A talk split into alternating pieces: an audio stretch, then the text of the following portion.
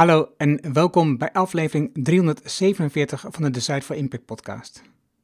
Waar je leert van ondernemers en ondernemende mensen die bijzondere resultaten bereiken, welke besluiten ze genomen hebben hier te komen, wat ze doen, de strategie en hoe ze klanten krijgen.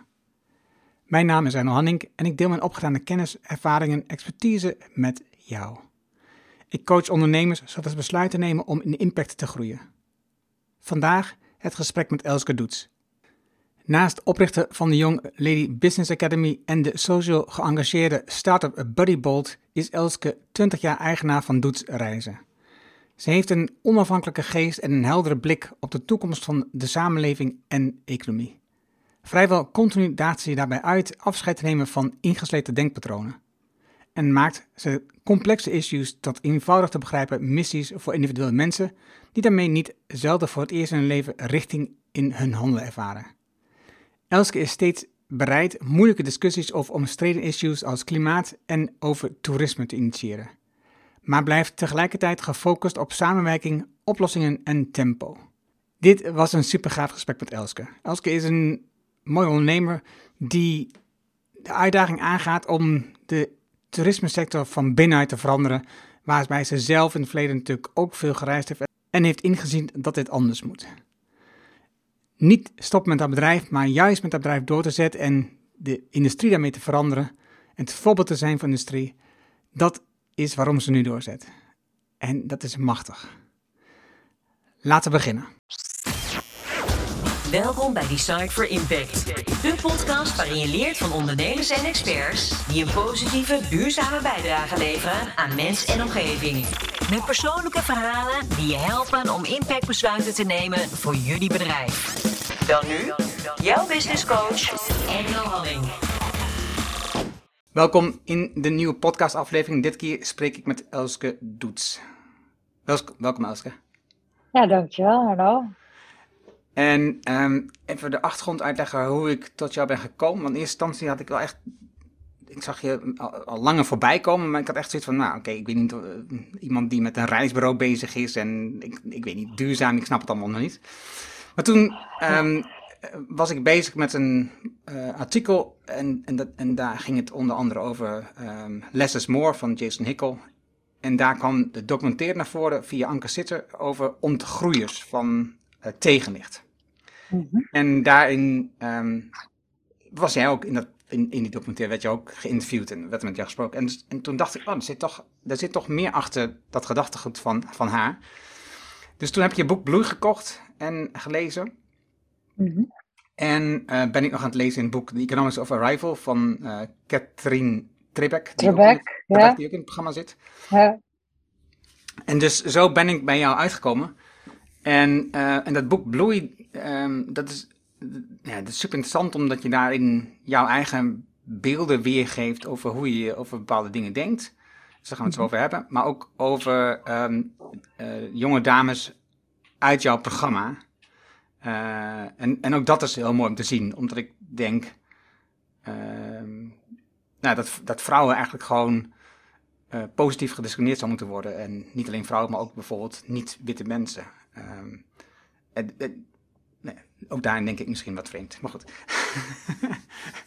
of, juist, of juist heel goed, ja. Ja, ja. ja dat weet ik nog niet. Nee. We gaan het afwachten, we gaan het zien. Uh, ik, ja. ik, kan wel uitleggen waarom ik het zo denk. Omdat ik denk dat de mannen, de witte mannen, al lang genoeg, uh, zeg maar, bevooroordeeld zijn en uh, de voorrang hebben gekregen. Dus ik denk dat het tijd wordt andere mensen die voorrang krijgen. Dus daarom geef ik ook zeker. heel graag vrouwen uh, de ruimte in het platform en ook niet witte mensen. Um, mm -hmm. En het valt niet altijd mee, want je, ook, ik ben een witte man en dus we zijn helemaal, uh, we worden aangetrokken tot dezelfde soort mensen en dan krijg je altijd dat soort beelden. Je moet er echt veel moeite in ja. Toch, uh, Jij valt dus waarschijnlijk onder de zeven vinkjes van Joris Linsen. Nee, nee, gelukkig niet. Dat niet. Oh. oh. Ik, ik, denk dat ik niet dan vier kwam uit mijn hoofd of zo. Um, oh, oké, okay, oké. Okay. dus, dus dat haal ik niet, gelukkig. Ja. Um, want ik zie, ik zie het niet als een, als een plus. Maar ik denk wel uh, dat de mensen die zeven vinkjes hebben een rol hebben om dat te veranderen. Dat meer mensen die gelegenheid krijgen. Ja.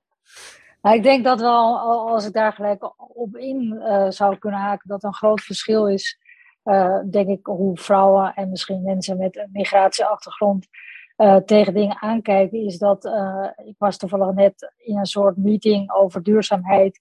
Uiteraard met een merendeel mannen. En die zitten heel erg cijfermatig in de wedstrijd. Terwijl ik denk, nee, dat moet je helemaal loslaten. Je moet juist terug naar de basis, als je het hebt over reizen bijvoorbeeld. Ehm, waarom ben je mobiel? Waarom heb je de behoefte om te reizen? En uh, welke rol wil je bijvoorbeeld de natuur laten spelen? Ik denk dat dat perspectief bij mannen gewoon ja, veel minder ontwaakt is. En de vraag is natuurlijk, waar, eigenlijk twee vragen. Waarom, waardoor komt dat en hoe kun je dat veranderen? Heb je daar een idee over? Nou ja, waardoor komt dat? Ja, dat is natuurlijk, uh, dat is natuurlijk hoe de meeste organisaties hè, worden gestuurd op cijfers, op KPI's. What's in it for me? ja, dat is natuurlijk ook een gevolg van het kapitalisme. Hè, dat, dat zijn ook mensen die zeggen, ja, we kunnen niet zonder consumptie en mobiliteit. dus ja, dan moeten we maar kijken naar compensatie. Uh, ja, daar word, word, ik dan al een beetje opstandig van. Maar zolang natuurlijk zulke soort mensen dominant zijn in organisaties, maar ook natuurlijk in, in grotere systemen, wat helaas nog het geval is, blijft er natuurlijk geen voortgang komen in, in het proces. En ik vind ook dat zulke soort mensen heel erg vastzitten in dat systeem. Terwijl ze heel erg voorbij gaan aan inderdaad de natuur, en ook de mens, en dan bedoel ik daar niet de mens die aan de knoppen draait, maar de mens die gewoon op straat loopt en soms nog geen enkel bewustzijn heeft van CO2-uitstoot. Ik denk dat, geen, dat als je 17 miljoen Nederlanders gaat vragen van wat is jouw CO2-uitstoot op het gebied van wonen, dat niemand dat bijna kan beantwoorden. Uh, terwijl op het gebied van calorieën kunnen mensen dat dus uh, vaak wel. Nou, dus daar is nog een wereld te winnen. Ja, en, maar, en nu. Nou, we gaan gelijk heel erg de diepte in. Nee, maar dat, en dat, vind, ik, nee, dat vind ik heel goed, want dit is denk ik het onderwerp waar ik het ook graag met jou wil hebben. Dus dat is voor mij helemaal goed. Maar wat ik dus uh, ingewikkeld in dit verhaal vind, is dat je dus, je vergelijkt nu de, de calorieën en dan uh, de, de, de, footprint. Maar um, vrouwen tellen toch ook heel vaak calorieën vanuit hun um, als ze aan de lijn doen bijvoorbeeld, uh, als ze een dieet volgen. waarom, waarom is dat dan op dat moment het cijfermatige dan, lukt dat dan wel? Nou ja, dat, dat kan ik niet echt beoordelen, want zelf heb ik, heb ik daar helemaal geen kaas van gegeten. Maar dat is dan weer dat ik gezegend ben met, uh, nou ja, uh, een goed lijf of zo. maar ehm, ja, kennelijk is dan dus dat uiterlijk zo belangrijk dat dat dan wel telt.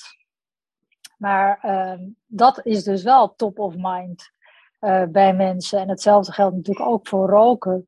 Hè? Want mensen zeggen altijd over klimaat. Ja, dat is eigenlijk bijna niet mensen in beweging te krijgen. Omdat ze er dingen voor moeten laten. Maar ja, roken is toch ook is, is toch ook meer of meer in de ban al aan het komen. En dat zou eigenlijk ook, hè, reizen is het nieuwe roken. Dat is natuurlijk toch wel, uh, denk ik, een hele uh, pijnlijke, maar sterke slogan.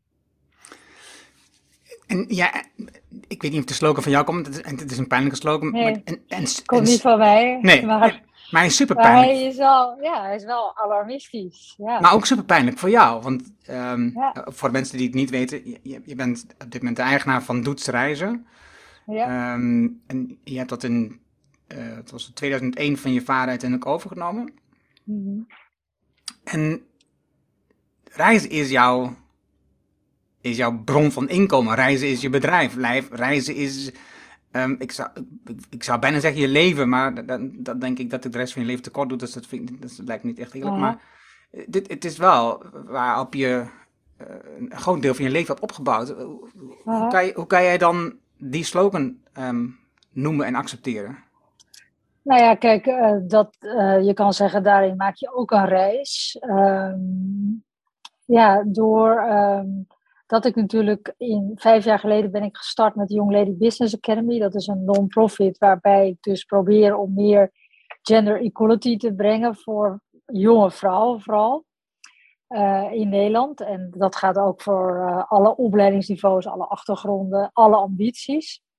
En daardoor ben ik dus ook echt heel erg in aanraking gekomen met uh, ja, waar, waar, de urgentie, waar zij zich sterk van maken. Dus zij gaan niet voor een gat in een markt, zij gaan echt voor een gat in de samenleving. Dus zij maken zich druk om inderdaad het klimaat, om ongelijkheid, om migratie, om vergrijzing. En in het begin vond ik dat dus heel idealistisch, want ik ben natuurlijk inderdaad een ondernemer die uh, vanuit een klassiek eendimensionaal model komt van uh, meer klanten, meer leveranciers, meer geld, uh, beperkt maatschappelijk betrokken. Dus door het opstarten van die Academy ben ik ook maatschappelijk wakker geworden. En in het begin vond ik dat dus heel idealistisch, want ik zei tegen ze van ja, je kan niet de wereld uh, mooier maken. Je moet eerst geld verdienen en dan kan je pas wat aan de wereld doen. En uh, ja, dat viel natuurlijk helemaal verkeerd, dat, dat begrijp je wel. Uh, maar ja, uiteindelijk zag ik dus in dat dit wel de kant is waar we naartoe moeten gaan. Alleen dan zit je dus nog met een reisbedrijf.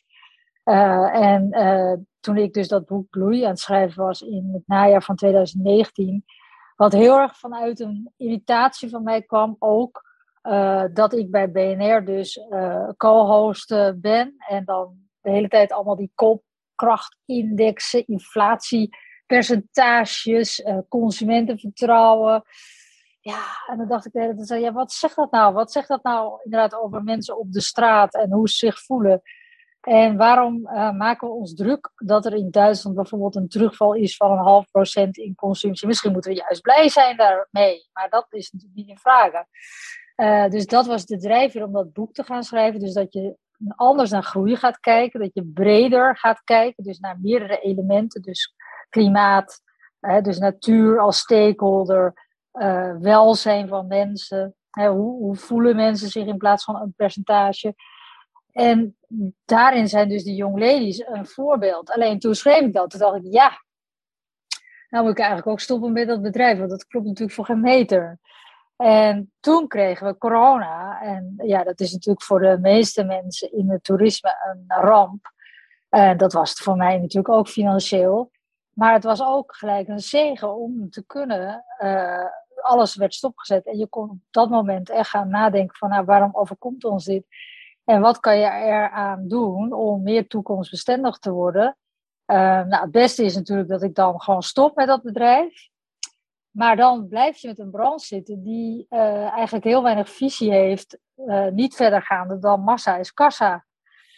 Ja, en het is mijn eer te na om dat dan zo te laten voorbestaan. Ik wil dan toch liever ook een soort voortrekkersrol daarin spelen om een verandering te creëren. Dus daarom ben ik dus op deze manier verder aan het gaan. Dus ehm, ja, maar het beste zou zijn als we gewoon allemaal zouden stoppen en eigenlijk teruggaan naar het mm, misschien nog voor middeleeuwse model.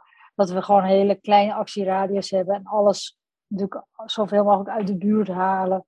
Dat zou het allerbeste zijn voor, voor iedereen. Want wat zeggen dan die jonge vrouwen tegen jou dan over jouw business? Uh, nou, uh, wat ik heel fijn vind, maar natuurlijk tegelijkertijd ook heel confronterend, is dat zij natuurlijk hele kritische vragen stellen. En ik denk dat dat ook precies is wat um, uh, heel veel ondernemers of, CEO's eng vinden. Um, want ja, als je kritische vragen krijgt waar je geen antwoord op hebt, dan sta je misschien in je hemd. Uh, maar dat kan ook een wake-up call zijn om echt iets te gaan doen. En ja, ik denk dat in deze kwestie uh, dat abstractie, dat, hè, daar verliezen natuurlijk heel veel mensen in het systeem, wat ik even zo, zo tussen aanhalingstekens zich in. Hè, dan hebben ze het over stakeholders en nou ja, risico's en daar, dat ik denk, nee, we moeten concreet worden. En daarom vind ik dus die dames zo interessant omdat die eigenlijk gewoon met babystapjes al de goede kant op gaan. En natuurlijk zijn zij niet heilig. En natuurlijk doen ze niet alles goed. Maar als ze allemaal dat gaan doen, dan is het beter dan gewoon je ogen maar sluiten en gewoon te zeggen, ja, we blijven toch allemaal reizen. Of we blijven toch allemaal consumeren.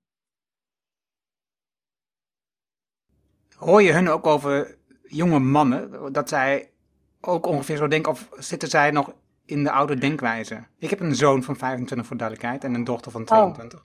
Oké, nou ik, ik weet, dat hangt er net van af. Uh, maar vorige week gaf ik bijvoorbeeld een lezing voor de Veerstichting in Utrecht. Uh, dat was dus allemaal studenten. En uh, nou, grappig, ik vroeg dus wie wil er ehm, macht en geld en succes behalen. En toen waren het alleen mannen die de hand opstaken. De vrouwen deden dat niet. Dat kan meerdere redenen hebben. Want het kan ook zijn dat ze onzeker zijn om die ambitie uit te spreken. Maar vrouwen hebben daar gewoon minder behoefte aan. Bijvoorbeeld een tijdje terug moest ik spreken over economische zelfstandigheid van vrouwen. Ja, vind ik gewoon een tuttig onderwerp. En daar wil ik het eigenlijk ook helemaal niet over hebben, want dat mag nooit de drijfveer zijn in je handelen geld. Het moet echt zijn dat je voor een onderwerp gaat en dan kan geld als een gevolg daarvan komen. Maar vaak denken mannen op een andere wijze, op een omgekeerde wijze. Uh, en vinden ze dus, willen ze pas wel doen als, als ze geld ervoor krijgen. Ik heb ook twee zoons. Eén uh, is dus inderdaad heel erg gefocust op het klimaat, die is daar dus minder mee bezig. Maar de ander die uh, doet alleen maar wat als het geld oplevert. Ja. Die is ook elke dag met aandelen bezig. Ja.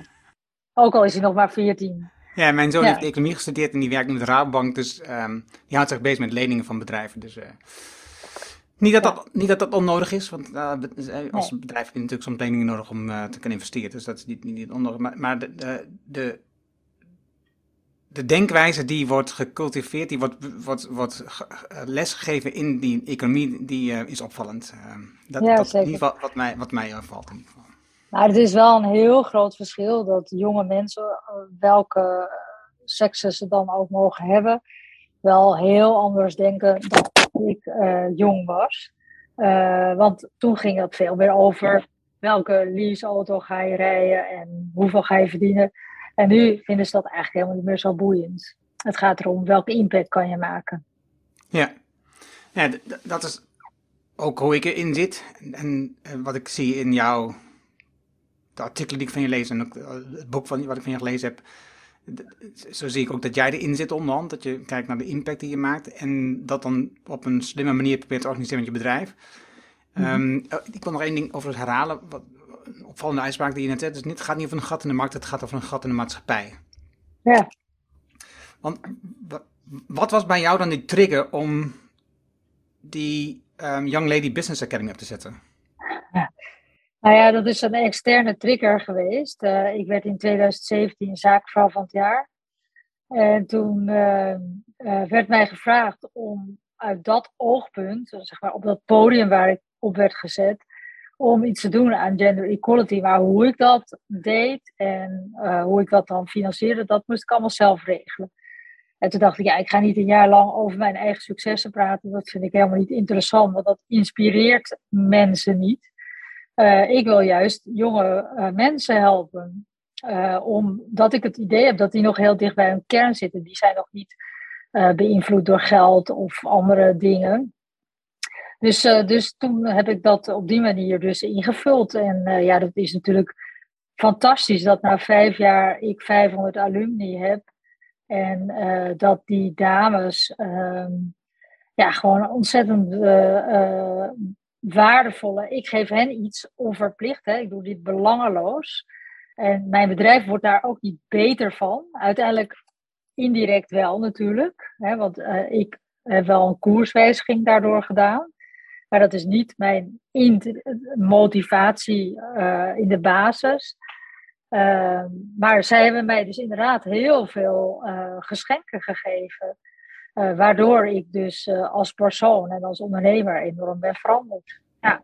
500 ondertussen in die academy heb je gehad. Wat leren ze in die academy dan? Nou ja, eigenlijk alles wat ze niet op school of op een vervolgopleiding leren. Het is natuurlijk een heel erg groot compliment, want het is een soort snelkookpan van een week waar ze ingaan en daarna stopt het niet, hè, want ik doe regelmatig dingen met ze. Maar het is primair een week waarin ze helemaal door een soort wasstraat gaan. En uh, ze, ik krijg vaak als feedback terug dat ze meer leren dan zes weken of twaalf of zes jaar of twaalf jaar op school. Ehm, ja, het gaat heel erg over persoonlijke ontwikkeling. Ik denk dat het begint met ze zien. Uh, dus uh, ja, ik zit, ik zit niet vast in een uh, systeem. Ik, zit, uh, ik, zit, ik wil gewoon hen zien en ik wil gewoon met hen aan de slag gaan. En nou ja, dan gaan we dus bijvoorbeeld hen leren onderhandelen. We gaan non-verbale communicatie aanpakken, financiële onafhankelijkheid. Ook al vind ik dat een tuttig onderwerp, is mega belangrijk. Zeker met al die studieleningen die ze aangaan. Uh, we hebben het over de werking van het brein. Hoe maak je nou goede lange termijn beslissingen in plaats van korte kicks? We gaan lef trainen door middel van sport. Omdat ik zelf ook als vrouw best wel heel veel baat heb bij lef in de vorm van bewegen. Dat maakt mij een betere ondernemer. Als ik dus dat met sport doe, dat ik op boomstammen moet springen, dan durf ik ook als ondernemer meer te doen. Uh, dus heel veel persoonlijke ontwikkeling, ook heel veel op communicatievlak. Hè. Hoe maak je nou eigenlijk de juiste impact? Hoe zorg je ook dat je altijd schuring opzoekt? Hè? Dus dat je uh, in je communicatie ook altijd die uh, wolf durft te benoemen van roodkapje. Dus geen zoete broodjes, zeg maar. ja, dat, dat, dat is, dat, daar is die hele Academy op gefocust. En ik wil dus heel graag dat zij in actie komen. Dus dat ze niet zich laten afremmen. Dat mensen tegen ze zeggen: ja, maar als je ondernemer wordt of als je de ambitie hebt om secretaris-generaal bij de Verenigde Naties te worden, uh, dat mensen zeggen: ja, maar dan, dan word je zo druk, dan kan je niets meer. Want ik laat ook zien dat je dus naast een carrière ook moeder kan zijn. En dat is ook niet onbelangrijk, want dat is vaak een onderbelicht onderwerp, wat eigenlijk bijna nergens aan de orde komt.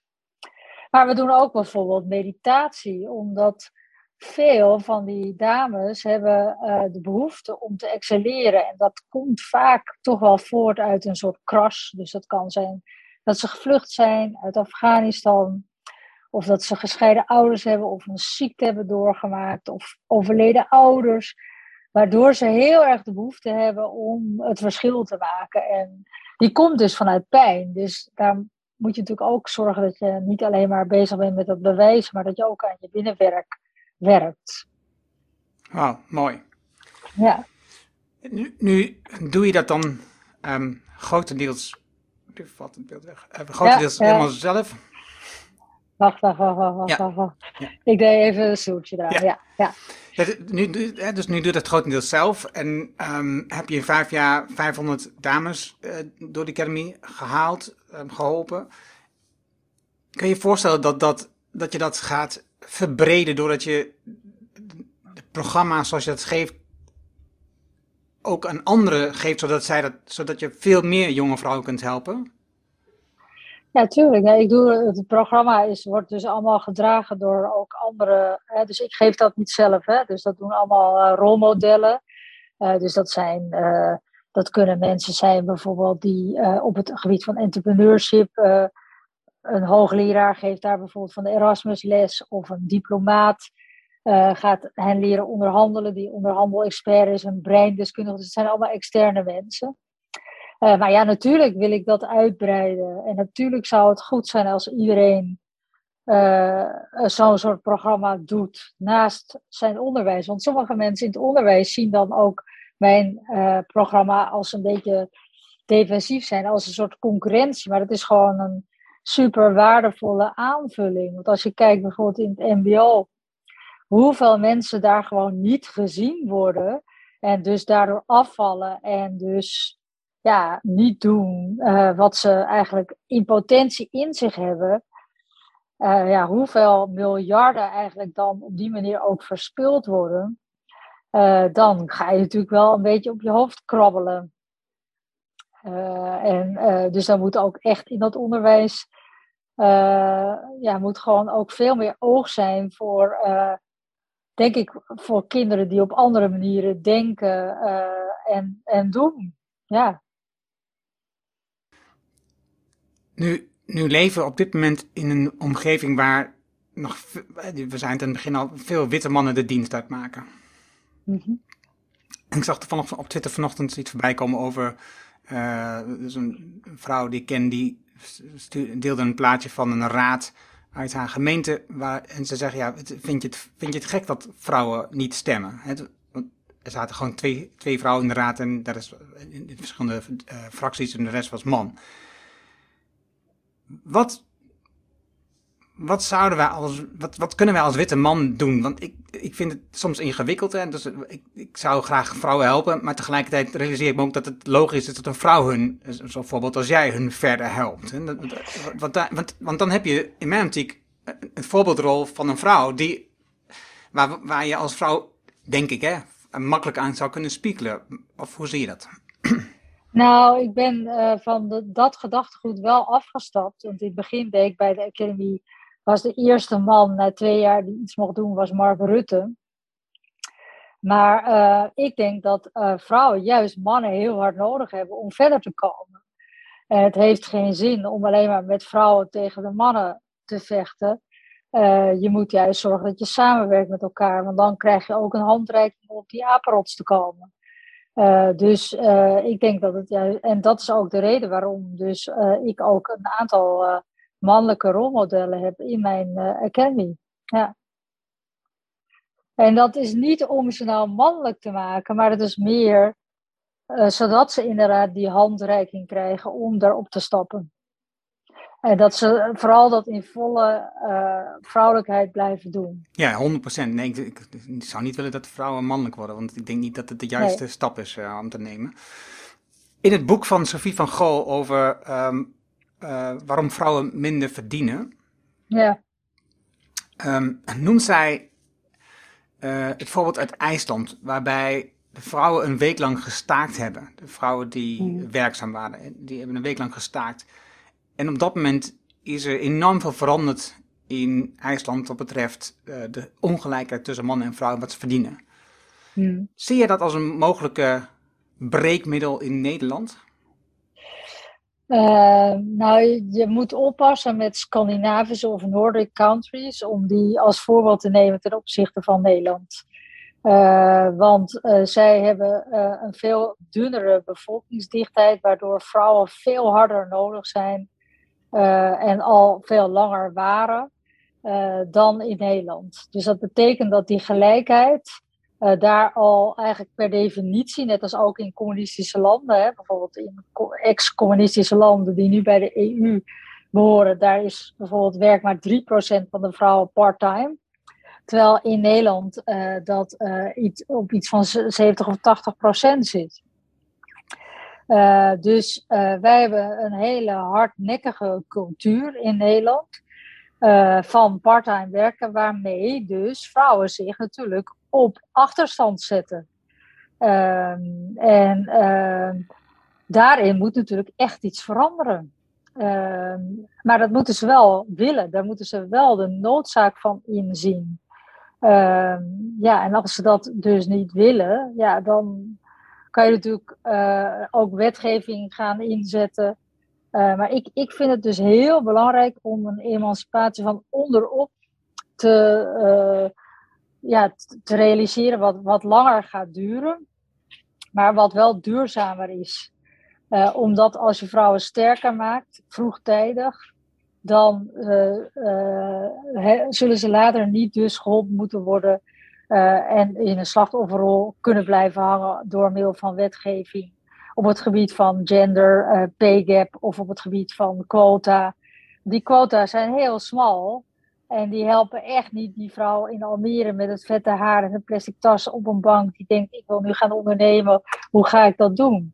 Uh, dat is een hele andere werkelijkheid dan ze in Den Haag überhaupt voor ogen hebben met het oplossen van die ongelijkheid. Want Den Haag heeft nog nooit met die vrouw uit Almere gepraat. Ja. Je hebt het in het boek over uh, het kapitalisme is onhoudbaar op de manier zoals het nu is.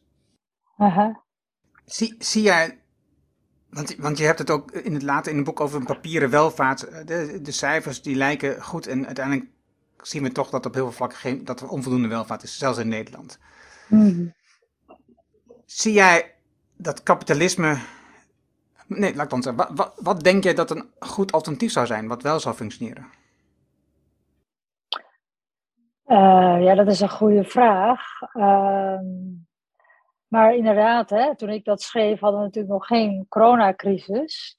En ik denk dat die crisis heel duidelijk heeft laten zien welke mate er van ongelijkheid is en hoe groot die ongelijkheid of hoeveel groter die aan het worden is.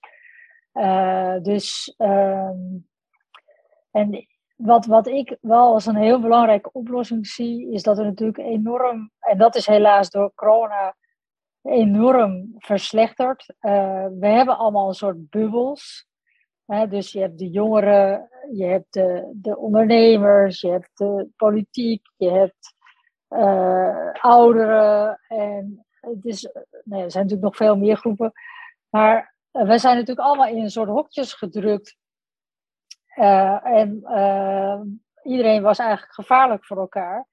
En ik denk dat het zo belangrijk is in deze kwestie dat mensen gewoon met elkaar gaan praten en gaan samenwerken. In plaats van dat ze in een eigen bubbel of een eigen hokje blijven zitten. Want dan krijg je nooit uh, begrip en krijg je ook nooit solidariteit. Waarom blijven alle ouderen in hun grote huizen wonen, waarbij ze alleen wonen in een heel groot eensgezinshuis? Ik bedoel, is natuurlijk waanzinnig. Uh, dus uh, ja, het egoïsme wat er natuurlijk ook is, is, is natuurlijk ook een gevolg van dat kapitalisme. Uh, ja, hè, als je kijkt naar vergrijzing, hoe moeten we dat oplossen? Er zal toch een handreiking vanuit de jongeren naar de ouderen moeten komen om hen te helpen. Of we moeten allemaal nannies uit de Filipijnen naar hier naartoe halen die ons gaan helpen. maar ja, door die tegenstellingen die er zijn en die ongelijkheid, zie ik niet dat jongeren dat heel graag gaan doen. Dus ik denk dat uh, samenwerking en uiteindelijk dus solidariteit ontzettend uh, belangrijk is om hier een verandering in te gaan brengen. Ja, en het gaat dus over het gesprek ja. en het luisteren naar elkaar. En dan dus ook in actie komen. Ja. ja. Maar dat moet je wel durven doen. En dat is dus hetgeen waar heel veel, uh, waar ik zie ook ondernemers op het gebied van duurzaamheid, die vinden dat heel eng. Die blijven in hun eigen kringetje ronddraaien, spreken hun eigen jargon. En uh, ja, gaan gewoon, dat zie je nu ook weer, dat vind ik een hele enge reflex. Hè? Iedereen komt nu naar buiten, naar corona, en komt als een soort koel uit de stal naar de winter en rent naar buiten en denk, nou, we gaan alles weer doen en we gaan weer lekker consumeren, we gaan weer lekker reizen en we gaan, en we gaan helemaal niet nadenken of het anders kan of is het nou wel nodig. Nee, we gaan gewoon weer blind in al die oude reflexen, want dat is toch het allermakkelijkste. Zolang het kan, doen we dat gewoon. Ja. ja. Hoe, do hoe doorbreken we dat? Hoe, do hoe doe jij? Nou ja, hoe, gaan we dat, hoe gaan we dat veranderen? Ik Kijk, als je dan kijkt naar zo'n oorlog, dan raakt hè, de Oekraïne raakt mensen enorm, want het is opeens dichtbij. En je ziet opeens dat mensen dus allerlei dingen gaan doen om te helpen. Uh, omdat je denkt, ja jeetje, dit kan mij ook kan Wij kunnen ook allemaal klimaatvluchteling worden, hypothetisch. Uh, dus ik denk dat wel zulke soort ernstige gebeurtenissen ons op de stip zetten. Maar je ziet ook dat door de wereld die steeds onrustiger wordt, uh, dat mensen ook weer heel snel overgaan tot de orde van de dag. Dus dat is, uh, dat, dat, dat is iets wel waar ik dan over nadenk. Ja, hoe kan dat? Ja. Ja, want ik vraag me, ik vraag me dan af. ik, want je zou Sommige mensen lijkt dan zo. Sommige mensen hoopten natuurlijk dat corona dat verschil ging maken op een bepaald moment. Dat, eh, dat, dat mensen het gingen inzien en dat na corona alles anders werd. En wat je al zegt, daar lijkt het niet op. De meeste mensen springen nu weer gewoon in de oude gewoontes terug, zoveel mogelijk. En ja. consumeren weer op los en gaan weer gewoon vliegvakanties maken. Um, niet omdat dat slecht is voor het milieu, omdat ze daar niet eens aan denken, maar gewoon omdat het vanuit corona weer kan. Uh, punt. Dus de maatregelen zijn weg, dus het kan gewoon weer. Maar dat, dat zou dus betekenen dat het werk wat jij en ik doen eigenlijk weinig effect heeft. Nou, dat, dat, dat ben ik niet met je eens. Want kijk, uh, ik heb bijvoorbeeld ook, en dat is mij niet in dank afgenomen door een heleboel mensen, vorig jaar ook in de media uh, geroepen van, uh, nou ja, herreizen wordt elitairder. dat is ook aan de gang, dat proces. En dat is een hele goede ontwikkeling. Uh, dat betekent dat dat dus ook uh, ja, niet meer voor de massa toegankelijk zal zijn. Dat is niet alle minuut dat je een knop omdraait, maar dat proces is wel aan de gang. En, uh, maar gaat het snel genoeg? Dat is de vraag. En uh, kijk, mensen zijn van nature natuurlijk pijnvermijdend dus is het makkelijk om niet wakker te worden en gewoon door te gaan verdoofd en dat te dempen met consumptie of mobiliteit. En vooral niet na te denken. Ja. Dus ik denk dat ja, vragen. Het is natuurlijk ook heel mooi als je ziet dat door bijvoorbeeld een oorlog als de Oekraïne opeens kerken weer vol zitten. Dan denk ik ja toevallig is er dan weer vandaag een artikel over dat Nederland zo ontkerkelijkt is. Maar op het moment dat mensen dus een nood voelen, zijn ze bereid om dan kennelijk ook naar levensvragen te luisteren. En dat is natuurlijk ook waar, waar wij natuurlijk een enorme armoede in hebben gekregen. Ja, eens. Want het, natuurlijk die kerken, connectie voor de mens natuurlijk enorm belangrijk. En, en de ja, kerk... vragen stellen, vragen stellen. Ja, ja en, en, maar dus het samen zijn in de kerk en mensen ontmoeten en, en, en daar dus de rust en de ruimte krijgen om over bepaalde dingen na te denken. Dat je een uur zit in een kerkbank en gewoon de rust neemt om, om, of, ja, om te luisteren naar iemand en, en, en daar dus door geraakt wordt of wat je zegt over gaat nadenken. Dat, dat, dat, was, dat vormde natuurlijk een belangrijk onderdeel in ons leven ooit. Maar dat is, dat is nu eigenlijk, dat is niet meer. Dat, we, we, hebben dat deel helemaal niet meer. We, zijn gewoon bezig met onszelf en het enige wat we nog doen als we tijd over hebben is op de bank zitten en naar Netflix kijken. Ja, daar, daar krijg je geen vragen van. Nee. Dus eigenlijk uh, hebben we die komiek nodig, ik ben even zijn naam kwijt, die dan zegt wakker worden, wakker worden, wakker worden. Dat is nodig. Ja. Ja. Um, we leven in eh, een wereld, in Nederland, um, waarin gepolderd wordt. Mm -hmm. ja, en, een gruwelijke hekel aan polderen. Precies, daar wil ik even over beginnen. Ja, uh, daarom, mijn bedrijf zit wel in de polder, maar ik woon niet in de polder. Wat is er voor jou zo slecht aan, de aan het gepolder? Omdat eigenlijk dan ieders belangen worden meegenomen en daardoor geen daadkrachtige beslissingen worden genomen. Uh, dus dat is allemaal een beetje, uh, nou ja, uh, stinkende, wat is het, stinkende wonden, of zachte heelmeesters maken stinkende wonden. Dat is eigenlijk wat polderen doet. je zou veel rigoureuzer moeten zijn in, nou ja, in, in, in dingen die je doet. Als je nou kijkt uh, bijvoorbeeld naar Donald Trump is een heel ander pad wat ik even insla. Maar die heeft dus een aantal dingen natuurlijk vrij hard aan de orde gebracht. Hè, op het gebied van defensie, NATO. Ja, en dan zie je zo'n zo stukje terug dat je denkt, ja, oervervelende man. Maar hij, hij legt wel die vinger op die zere plek. En nu zitten we met gebakken peren. Ja. Uh, dus ja, ja hebben, we nou, uh, hebben we dan inderdaad meer olifanten in de porseleinkast nodig om tot actie te komen? Of glijden we af in diplomatie? Ik weet het niet. Hmm. Ja. Ik, het, het, het, mooie in het, in het polder vind ik dat je natuurlijk ook naar elkaar luistert. En dat het niet is vanuit Anglo-Amerikaanse gedachten waarin de uh, besluiten van top uh, naar beneden worden geflikkerd en iedereen maar moet goed doen wat de baan zegt.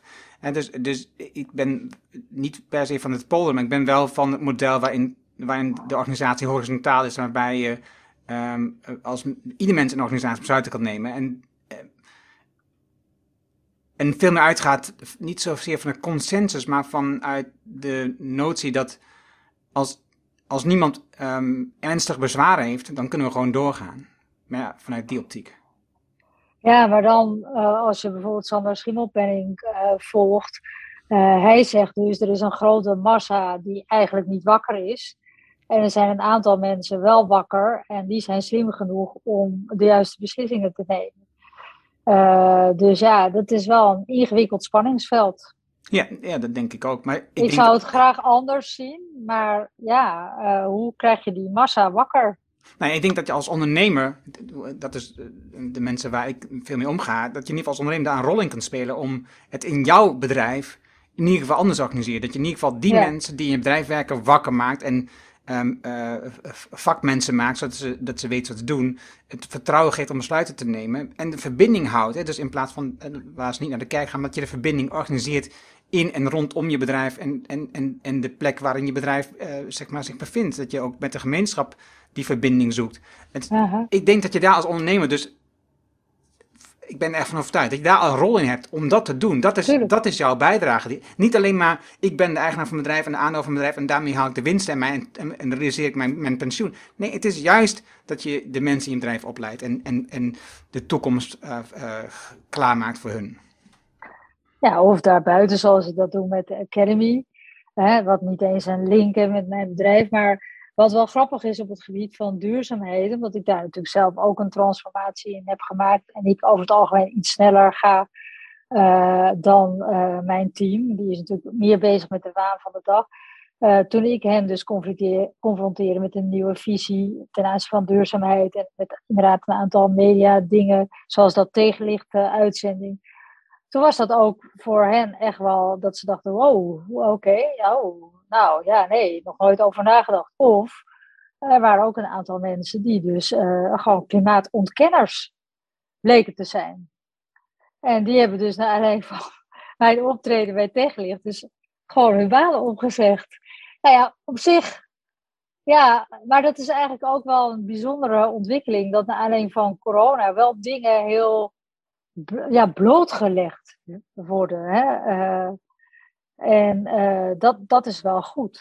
Kijk, als je altijd in een situatie zit waarin uh, uh, alles goed gaat, of een beetje beter of een beetje minder, dan is die noodzaak tot zulke soort blootleggingen veel minder aanwezig.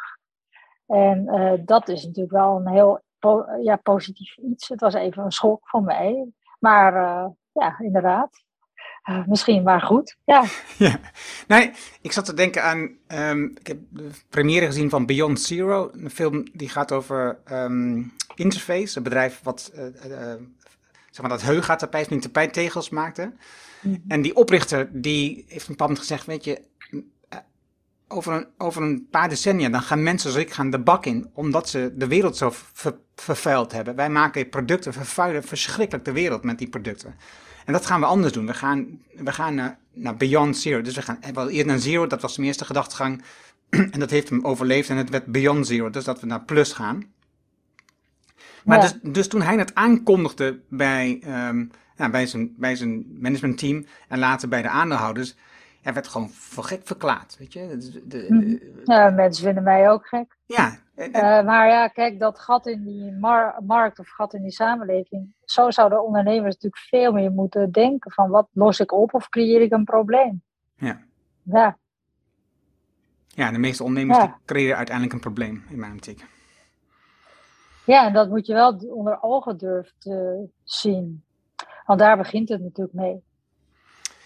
Ja uit jouw boek haal ik het idee dat jij zegt dat kapitalisme is niet de geluksmachine die um, anderen, zoals anderen dat zien. Wanneer zag je dat? Wanneer, wat was voor jou doorslaggevend? Nou ja, kijk, uh, voor corona heb ik natuurlijk altijd heel veel gereisd. En dan, uh, dat is natuurlijk een, een wereld, hè, de, Pieter Stuyvesant wereld. Nou, dat mag, natuurlijk, mag je nu ook niet meer zeggen, want dat was een slavendrijver. Dat is ook fout. Maar uh, nou ja, er zijn mensen die, die, die, eten, die winkelen, die verplaatsen zich. Het liefst zo luxe mogelijk. Um, ik heb familie bijvoorbeeld in Dubai wonen. Nou, dat is natuurlijk helemaal een oord uh, wat, wat, een soort kunstwatige bubbel is. Dus dan ga je echt denken, ja, wat is dit nou eigenlijk? En wat, wat, wat, wat doet dat nou met mensen? En toen ik niet meer kon reizen, toen ging ik dus gewoon in het bos lopen. Wat ik dus inderdaad veel te weinig deed. Want ik zat natuurlijk ook in die Pieter Stuyvesant wereld. Uh, en toen dacht ik, ja, dit is eigenlijk veel uh, waardevoller. En maakt mij veel gelukkiger dan inderdaad uh, in een soort, soort verdoofde toestand maar door te gaan. Ja. Dus ja, dus, uh, dus dat is gewoon een, een observatieproces van een tijd geweest. Uh, ja. En ja, gisteren was ik bijvoorbeeld met een zakenrelatie waar ik al meer dan uh, ehm, 25 jaar zaken mee doe. En die vroeg aan mij, verkoop je nog cruises? Ik zei, nee, dat doe ik niet meer, omdat ik dat dus echt uh, verwerpelijk vind. Ja, dat was wel even schokkend. Dus hij uh, schoot snel door naar het volgende onderwerp. Ja, dat zou ook jammer zijn dat je over begint. ja, ik had het leuk gevonden om antwoord te geven waarom dat dan is. Precies. Ja, ja maar nee, dat was even pijnlijk, denk ik. Even door. Ja, even snel door. Ja. Ja. Ik zag het ook op je website staan. Ik denk, ja, dat lijkt me heel logisch dat je dat doet. Dit is, wat je schrijft, het is gewoon verwerpelijk uh, om dat te doen op die manier. Ja. Jij, je, je hebt ook gezegd dat je wat um, extra aandacht wilt geven. Ik dacht aan IJsland uit mijn hoofd, als ik het onthouden. Ja, we, nou, IJsland is een uh, bestemming die wij al een aantal jaren hebben. Maar dat was een soort bestemming waarbij mensen dat als stopover deden. Dus naar Amerika of Canada.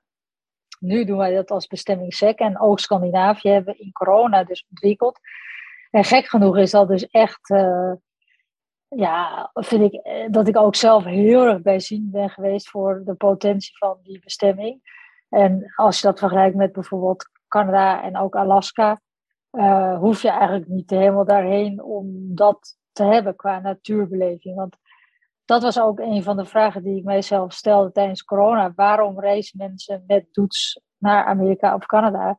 Dat is vaak uh, omdat ze dus weer in contact met zichzelf willen komen en met hun naasten. En daar hebben ze vaak natuur voor nodig. Maar dat hoeft natuurlijk niet helemaal nou ja, over de oceaan te zijn. Dat kan natuurlijk ook veel dichterbij zijn. Dus, uh, uh, maar goed, dat, dat is dus, dan moet je even.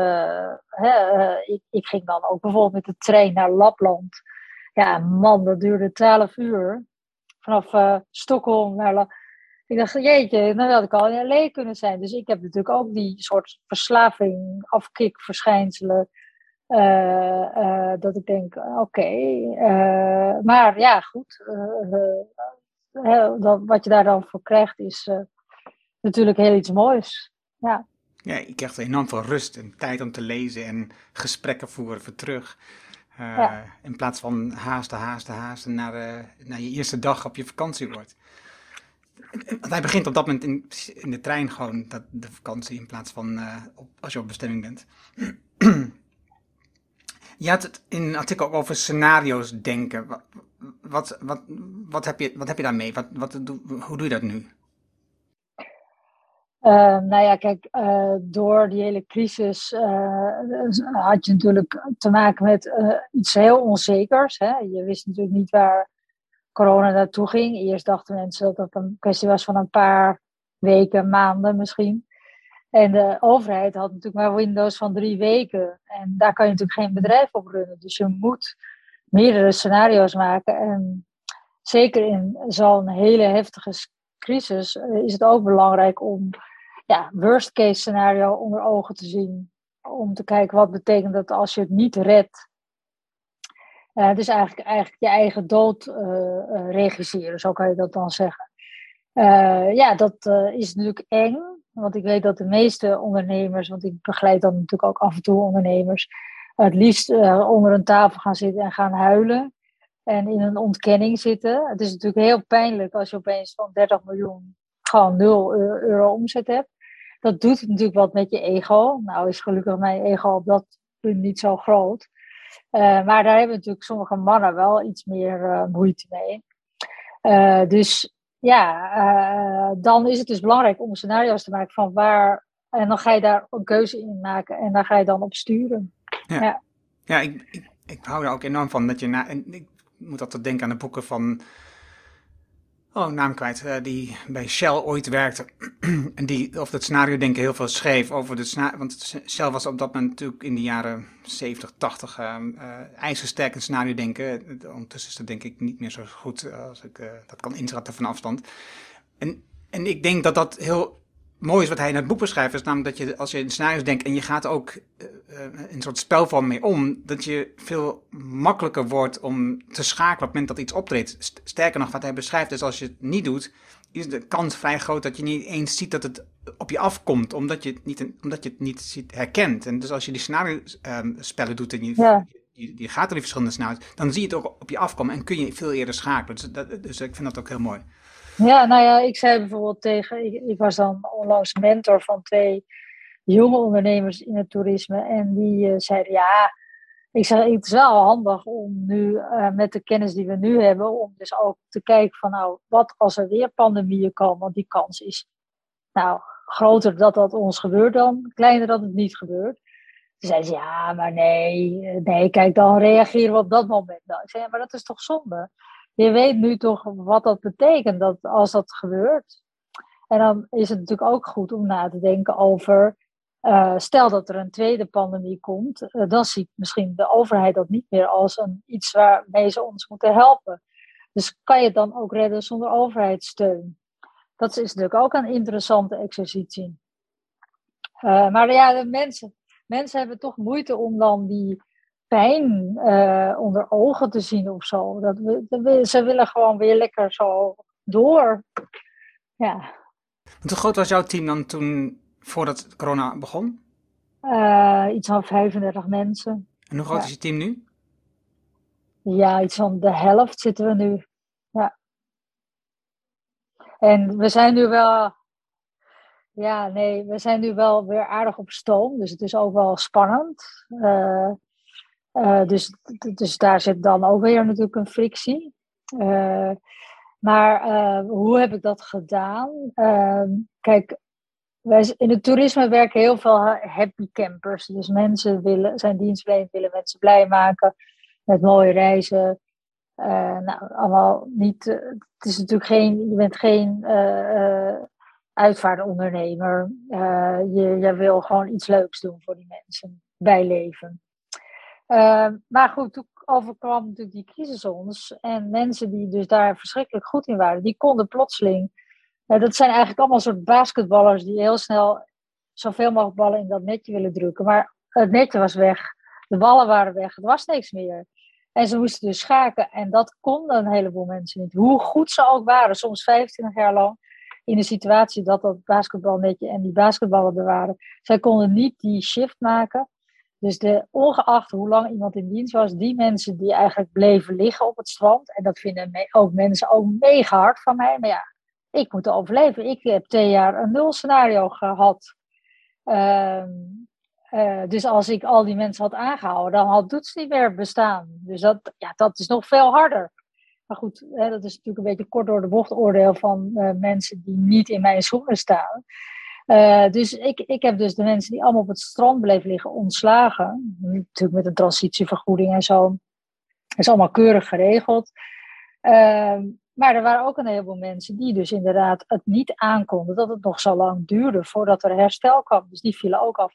Terwijl als je ziet wat nu het herstel is. Dat je denkt, jeetje, dat is ook zonde dat je dat niet hebt afgewacht. Maar oké, goed. En ik heb ook dus mensen verloren die dus uh, klimaatontkenners uh, waren. Ja, maar hele goede nieuwe mensen voor teruggekregen. Want het is ook heel goed om een verfrissing. En wij hebben ook heel duidelijk dus in de profielen die we zoeken gezegd dat wij dus uh, ook andere focus hebben dus op het gebied van klimaatimpact. Uh, om dus ook te voorkomen uh, dat we alleen maar happy campers hebben die gewoon zoveel mogelijk massa is kassa willen doen. Dat willen wij eigenlijk niet meer. Ja, dus door jouw verschuiving zie je nu ook een verschuiving bij de medewerkers die nu, die nu op je ja, afkomen. Die moeten daar ook echt achter staan en ja. blij van worden, ja. ja. ja. Een, een, een truttige vraag dan. um, vraag. Ja, daar hou je van, ik weet het. ik ben vader en um, uh, ik, heb, ik heb altijd ik heb veel vanuit huis gewerkt. En toen ik voor mezelf begon, uh, heb ik een bewuste keuze gemaakt. Ik, dan ik, ik weet nog toen ik uh, bij mijn laatste werkgever was, toen heb, ging ik een dag minder werken. Want ik wilde graag in ieder geval één dag in de week mijn kinderen kunnen ophalen en naar school brengen. Dat, was, dat, dat doen te weinig mannen. Maar dat, maar dat, dat, dat stuitte op weerstand. En de eerste, en hij ging, de werkgever ging uitkoord, want ja, dat is de wetgeving, dus hij kon niet zoveel anders. En ik was heel standvastig, dus hij kon dat ook niet veel anders. Maar toen, hij uiteindelijk, toen ik uiteindelijk dat contract, het nieuwe contract ondertekende, zei hij, en, maar begrijp wel dat het invloed heeft op je carrière. toen dacht ik echt, jezus, wat, is, wat, wat, wat, praat je nou voor onzin? Dit is gewoon mijn keuze. Wat, ja. la, waar, is het nou voor onzin? Daarmee help je ook jouw partner. En mijn kinderen en mezelf en alle andere dingen. Dus de gemeenschap maakt niet uit. Dus toen ik van mezelf begon, ben ik heel bewust van het huis gaan werken om zoveel mogelijk mijn kinderen dat opgroeiproces mee te maken. En, ehm, en ik doe werk in huis, huishouden, zoals je het zou kunnen noemen, tussendoor. Ehm, en ik merk dat dat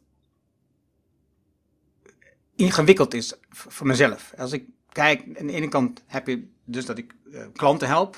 Aan de andere kant, dat is, inkomen. Aan de andere kant uh, ben ik na nadenken en schrijf ik veel over impact, uh, over duurzaamheid, over hoe je dit zou kunnen veranderen, wat je als ondernemer van rol in hebt.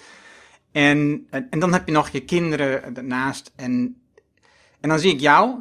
En dan denk ik, oké, je hebt een bedrijf, 35 mensen had je op dat moment. En, in die tussentijd altijd gedoe met corona, met al die mensen die je in dienst hebt. Um, dan heb je ook nog die, die, die jonge vrouwen die dan, uh, zo'n 100 per jaar, die daar door die academy trekt. Niet zelf, maar wel dan nog. Je moet al die mensen die dat organiseren, die al die trainingen geven, die moet je natuurlijk verzamelen. Dat moet je contacten. Het, is, het kost zoals ik dat van afstand kan zien, het kost gigantisch veel tijd. Ik denk aan mezelf, als ik, als ik al moeite heb met dit, hoe doe je dat in godsnaam? Ja, heb ik ook nog Buddybolt, ja, ik doe dus drie dingen. Hè. Dus Doets, uh, Young Lady Business Academy en Buddybolt. Dus dat is een beetje zo gemixt. En dan ook nog dat wel veel spreken en zo. Uh, dus ja, dat zijn eigenlijk vier dingen meer. Hè? Dus blog schrijven, zo'n boek. Um, nou ja, belangrijk is natuurlijk, uh, inderdaad, uh, mijn man heeft ook een eigen onderneming, dus niet in Doets. Maar wij doen dus inderdaad dat gezamenlijk. dus hij, geeft zijn bijdrage, ik doe mijn bijdrage. Um, en het is natuurlijk ook een kwestie van hele goede mensen om je heen hebben. In de zin van ik heb een assistente die heel veel voor mij doet. Uh, meestal hebben wij een schoonmaakster die thuis ook ons ondersteunt. Maar dat, bijvoorbeeld nu hebben wij dat even niet, omdat ze naar Denemarken is uh, vanwege persoonlijke omstandigheden. Ja, dat is dan even heftig, ja. Ja, ja goed. Dan ligt er maar wat meer stof, denk ik dan. Ja, daar ga, ik me ook niet uh, dan al te druk op maken. Uh, maar goed, stel dat een van mijn kinderen dus ziek zou zijn of iets dergelijks. Hè, ja, dan, dan werkt dit natuurlijk niet wat ik doe. Dus het is een, uh, uh, ja, wel een smalle balans waarin je, nou ja, dat kan goed gaan, maar het kan ook fout gaan. Ja. maar dat is ook een kwestie van keuzes maken. Dus ja, ik, ik kan niet alles doen. dus ik kan niet perfect tuinieren, perfect koken. Uh, daarin, ik kan niet marathons rennen. Ik sport wel heel veel om dus dit aan te kunnen. Dat vind ik dus heel belangrijk. ik wil ook niet te veel werken, want dat is ook niet goed. Ja. Dus, maar ik doe een heleboel dingen dus niet. Ja. ja. Ik, ik hoor in ieder geval veel overeenkomsten. Dat is fijn om te horen. Ja. Maar ook geen schuldgevoelens hebben. Ja, uh, gisteren zei iemand tegen mij, ja, jouw kinderen hadden makkelijk kunnen ontsporen toen je zaakvrouw van het jaar werd, want toen was je zo druk. En gelukkig is dat niet gebeurd. En dan denk ik bij mezelf, ja, dat is een soort suggestie die je doet. Maar wie zegt dat dat zo was of is? Dus, maar dat is natuurlijk ook de grootste valkuil van vrouwen. Dat ze dus continu denken, uh, uh, vanwege mogelijke druk van buitenaf, dat, dat ze het niet goed doen. En daardoor dus ook hun talenten eigenlijk en hun eigen geluk niet nastreven. Ja, ik denk dat dat nog wel.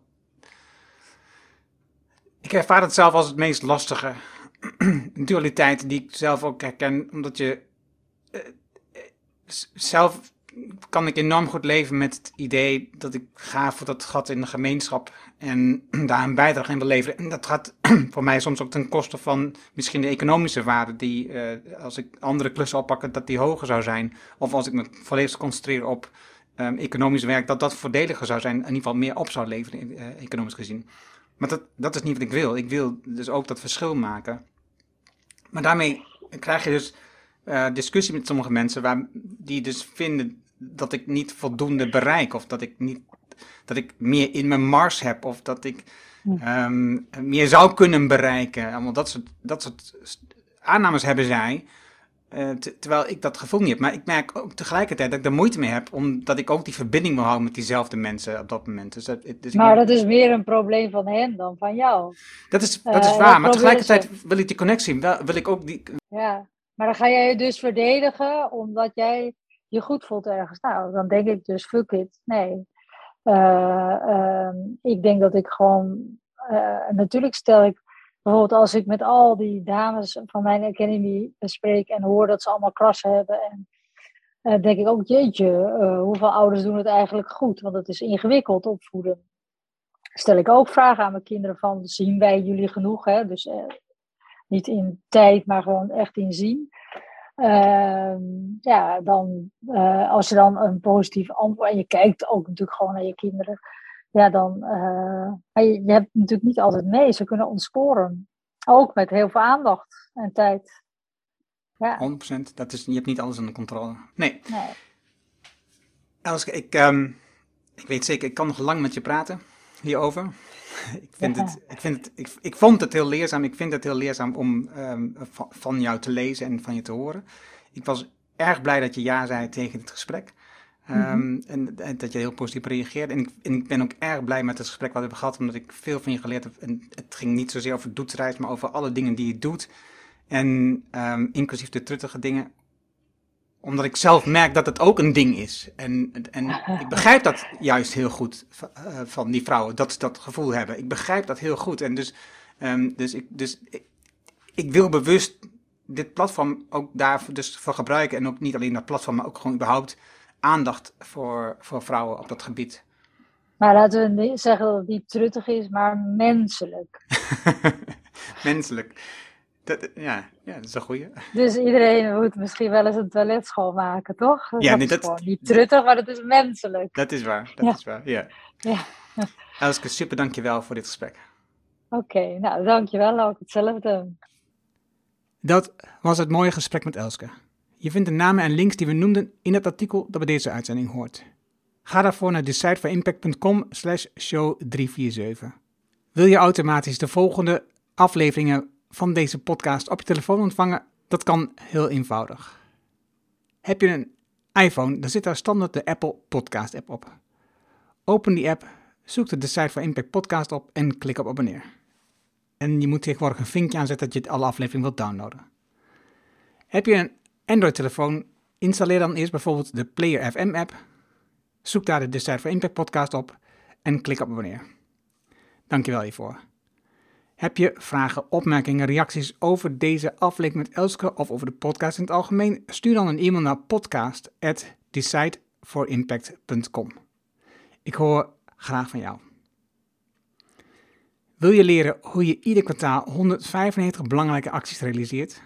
Wil je 7 tips hoe je uit de waan van de dag komt en de lange termijndoelen nu realiseert? Vraag dan het boek Impactbeslissingen voor een leider aan op de site van. Dit is mijn nieuwste boek en je downloadt het daarom helemaal gratis. Je hebt zelfs geen e-mailadres nodig.